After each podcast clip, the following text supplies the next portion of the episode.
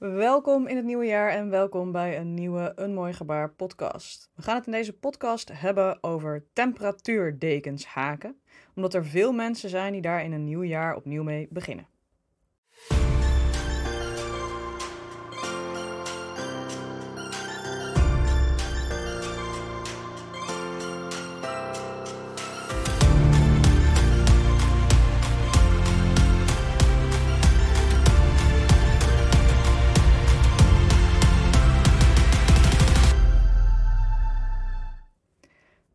Is een temperatuurdeken? Dat is natuurlijk handig om te weten voordat we verder gaan met deze podcast.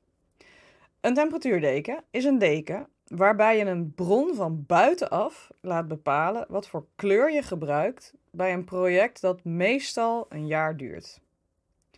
Een van de meest gebruikte bronnen is de gemiddelde temperatuur. En sommige mensen kiezen voor de maximale temperatuur van de dag op de plek waar je woont. Daar ontleent het type project zijn naam dan ook aan: temperatuurdeken. Je kunt ook de minimale en de maximale temperatuur gebruiken en twee toeren per dag haken. Of een extra toer toevoegen voor een verjaardag of een trouwdag in een andere kleur. Of een speciale toer toevoegen voor de eerste van elke maand. De keuze is echt eindeloos en inspiratie vind je overal. Een van de dingen waar je inspiratie voor nodig hebt is voor de kleur. Want als je besloten hebt een temperatuurdeken te gaan haken, ga je je kleuren kiezen. En natuurlijk je patroon, maar daar komen we zo op. Voor de kleuren te kiezen kun je gaan voor een soort van klassieke regenboog, waarbij je blauw gebruikt voor vriestemperaturen en dan steeds lichter blauw naar een soort van uh, donkerrood als het heel heet is. Dit is een van de meest gebruikte manieren om kleuren te kiezen, maar het is zeker niet nodig. Je kunt ook een temperatuurdeken maken met groene en paarse tinten of met pasteltinten.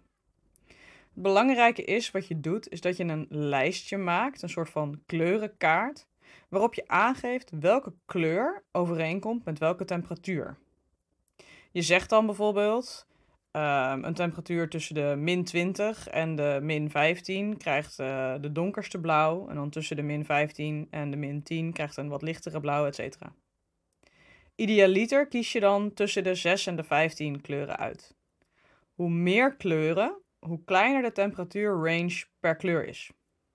Daarvoor is het handig om in jouw gebied te kijken welke temperaturen er bijvoorbeeld in de afgelopen jaren allemaal geweest zijn. En op basis daarvan kun je dan een reëel kaartje maken. Die temperatuur van min 20 die ik net noemde, komt in Nederland bijvoorbeeld zo zelden voor dat het zonde zou zijn als je daar een hele kleur voor zou gebruiken van min 20 tot min 15. Die kleur die ga je dan waarschijnlijk nooit gebruiken in je deken. Het is handig als je ergens een papiertje pakt waarop je die verschillende kleuren schrijft en de temperatuur die daarbij hoort. En als je die kleurenkaart dan bewaart bij je project op zo'n kaartje of op een briefje kun je dan ook schrijven tot en met welke dag je bent gekomen. Want als je een keer ziek bent of je loopt achter of iets dergelijks, dan weet je nog waar je het weer op moet pakken. Ook kun je erop schrijven welke kleur je nou, dat, of welke temperatuur je nou daadwerkelijk gaat gebruiken. Of dat de minimale, de maximale of de gemiddelde of nog iets anders is. Je hoeft je temperatuurdeken niet van 1 januari tot 31 december te laten lopen. Sommige mensen gebruiken het bijvoorbeeld voor het jaar waarin je uh, zelf baby was of het jaar waarin je gaat trouwen. Op die manier kun je je deken ook persoonlijker maken. Er zijn immers geen regels voor. Als je de kleur hebt gekozen, kun je ook het patroon gaan kiezen. Kan natuurlijk ook andersom, maar dit is even de volgorde die ik hier aanhoud. Niet elk haakpatroon is geschikt als temperatuurdeken. Afhankelijk van hoe je besluit te haken, heb je namelijk 365 keer iets. En als dat iets een streep is die 3 centimeter hoog is, dan krijg je een project van 9 meter. En dat is misschien niet helemaal waar je naar op zoek bent. Het is dus belangrijk bij de keuze van je patroon om te kijken naar hoe lang het stukje is wat je per dag maakt, of hoe groot het is, en hoe groot dan je totale project wordt. Een van de meest gebruikte dekens is de Granny Stripe is een eenvoudig herhalend patroon waarbij je steeds groepjes van drie stokjes tussen de eerdere groepjes van drie stokjes indoet. Het is eenvoudig en herhalend en daarom leent het zich prima voor zo'n 365 dagen temperatuurproject. Dit is er wel een waar je goed op moet letten op de dikte van je garen en de hoogte van je toeren. Het wordt al snel een lange deken. Om dat op te lossen kun je er ook voor kiezen om bijvoorbeeld twee losse stroken te haken van 60 centimeter breed en die dan later aan elkaar te zetten. Hiervoor is het belangrijk om een proeflapje te maken. Daar gaan we het zo nog even over hebben, zodat je weet bij deze steek dat je goed uitkomt. Een tweede veelgebruikte patroon is de granietsteek. Die is wat lager, maar ook heel fijn. Je maakt hier geen stokjes, maar vaste, waardoor de kans dat je een veel te lang project krijgt wat kleiner is. Een heerlijk ander patroon is de corner-to-corner steek. Die bestaat uit losse stokjes en halve vaste en haak je diagonaal. It's All in a Nutshell heeft een prachtige temperatuurdeken gemaakt met deze techniek. En in de link van de beschrijving van de podcast vind je dan ook de link naar de uitleg van dat patroon. En dan kun je ook de foto's ervan zien. Dat geldt voor alle patronen die ik noem. Dus dan kun je zelf ook even bekijken hoe het zou worden.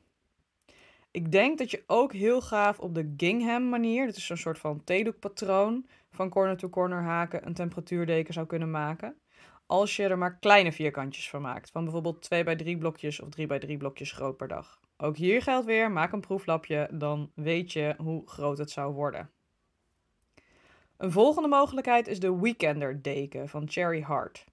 Staat ook op de website en uh, bestaat uit kleine zeshoekjes. Die kun je dan meteen aan elkaar haken in de laatste tour.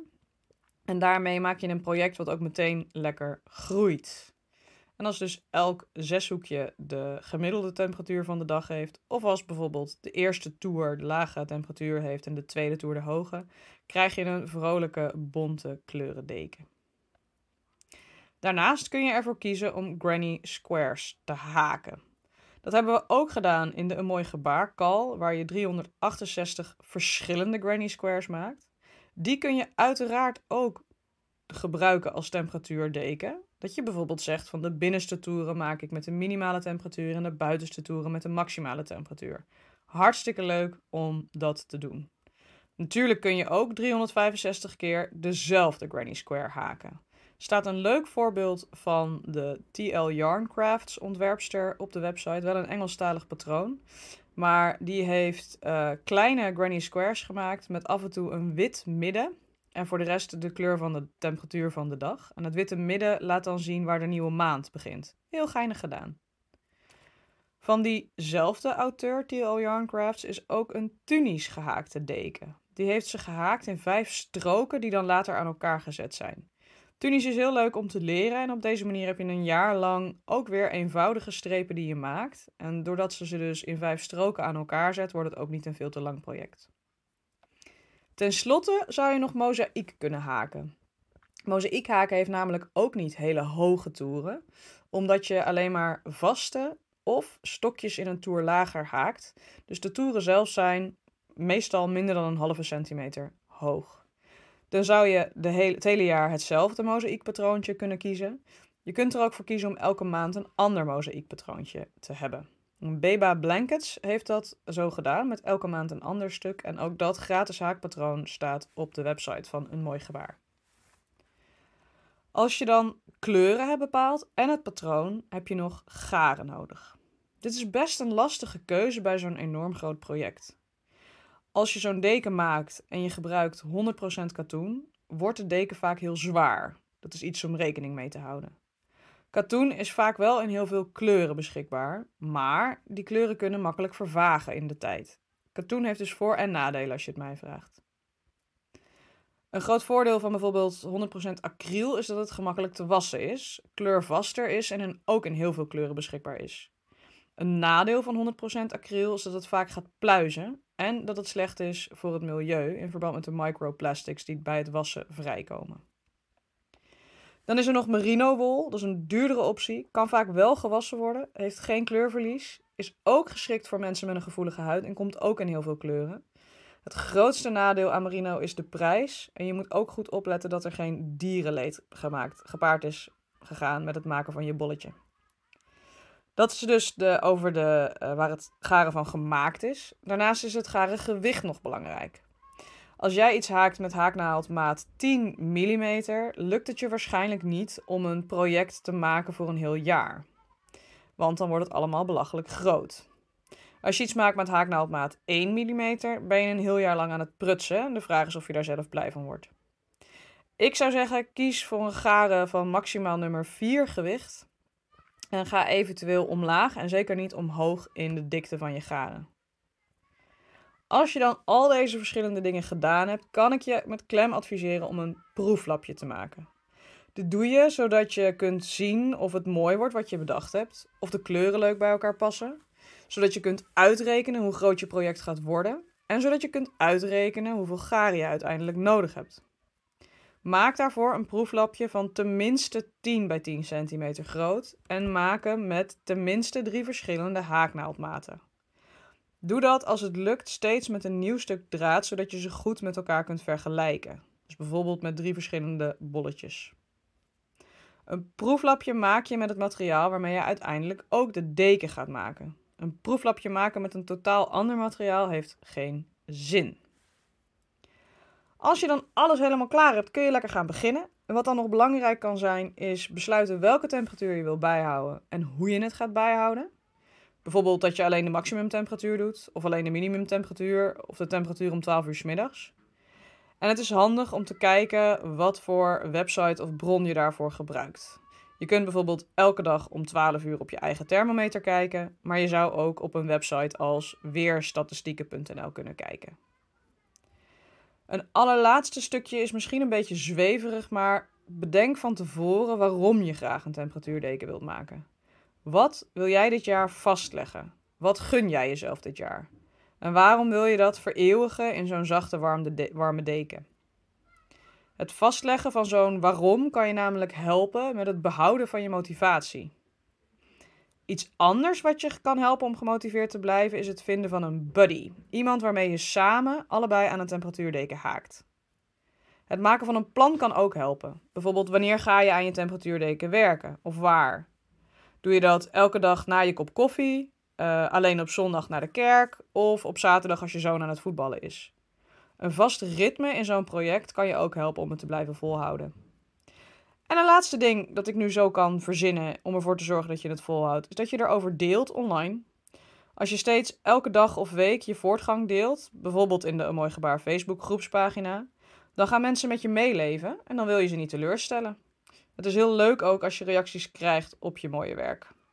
Dat kan ik je dus zeker adviseren om te doen als je bedacht hebt dat je een temperatuurdeken wil maken, om erover te delen. Ik ben in ieder geval heel benieuwd naar je temperatuurdeken plannen. Of je geïnspireerd bent geraakt door deze podcast. En ik zie je reactie dan ook heel graag tegemoet. En ik wens je heel veel haakplezier ermee.